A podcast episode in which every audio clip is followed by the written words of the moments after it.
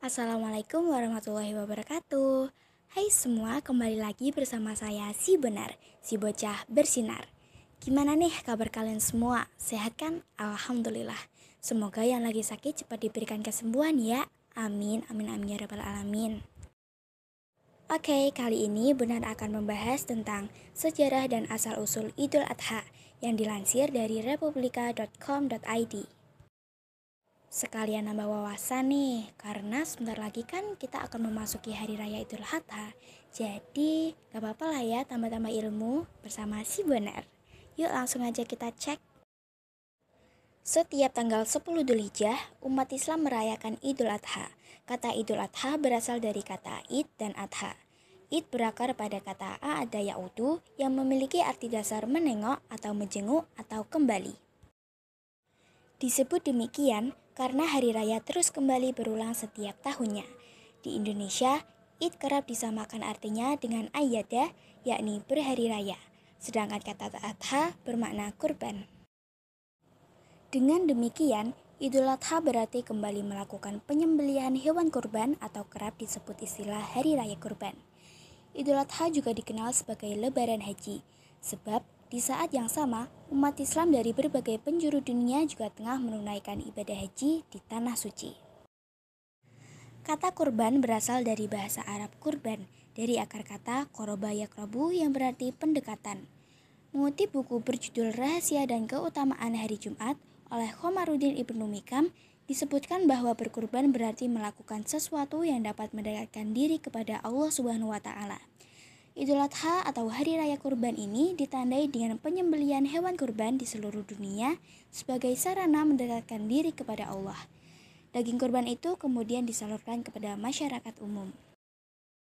Sebagaimana penuturan Al Hasan bin Ali, Rasulullah Shallallahu Alaihi Wasallam memerintahkan kami dalam Idul Fitri dan Idul Adha agar memakai pakaian terbagus yang kami miliki, memakai minyak wangi terbaik yang kami miliki, dan berkurban pada hari raya Idul Adha dengan binatang kurban termahal dari apa yang kami miliki.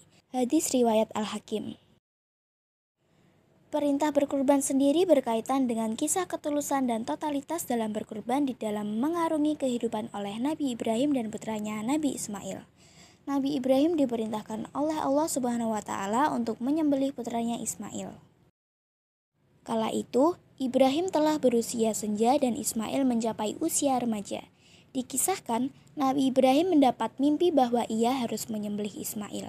Mimpi tersebut merupakan bagian dari wahyu Allah – Ketika terbangun, Ibrahim merasakan kesedihan yang sangat mendalam, sebab setelah sekian lama berpisah dengan sang buah hati, dia harus mengorbankan anaknya. Allah hendak menguji sejauh mana ketaatan Nabi Ibrahim. Sebagai seorang hamba yang beriman dan taat kepada Allah, dia harus melaksanakan perintah Allah. Ibrahim kemudian mendatangi Nabi Ismail dan meminta pendapatnya. Rupanya, Jawaban dari Nabi Ismail sungguh luar biasa. Nabi Ismail justru meminta ayahnya untuk melaksanakan apa yang diperintahkan Allah kepadanya. Ismail berkata demikian, "Wahai ayahku, laksanakanlah apa yang telah diperintahkan Allah kepadamu.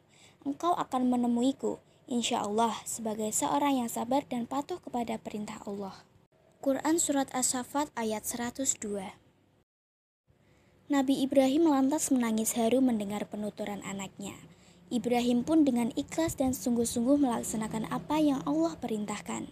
Namun ketika hendak melaksanakan, Allah membolehkannya menggantinya dengan binatang domba. Dengan demikian, Ibrahim dan Ismail telah berhasil melewati ujian keimanan tersebut. Domba yang menjadi pengganti Nabi Ismail untuk disembelih itu menjadi asal mula melakukan ibadah kurban pada Idul Adha. Hukum melaksanakan kurban itu sendiri wajib bagi orang yang mampu atau memiliki keluasan rezeki untuk berkurban.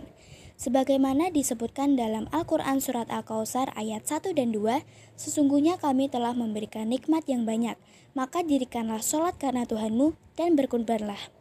Hari Raya Kurban ini diperintahkan selama empat hari, yakni sejak maghrib pada hari Arafah tanggal 9 Dzulhijjah sampai hari Raya Id tanggal 10 Dzulhijjah disambung dengan tiga hari tasyrik.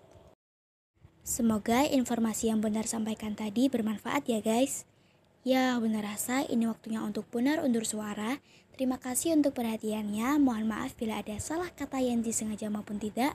Wallahu wafiq ila komentarik. Wassalamualaikum warahmatullahi wabarakatuh.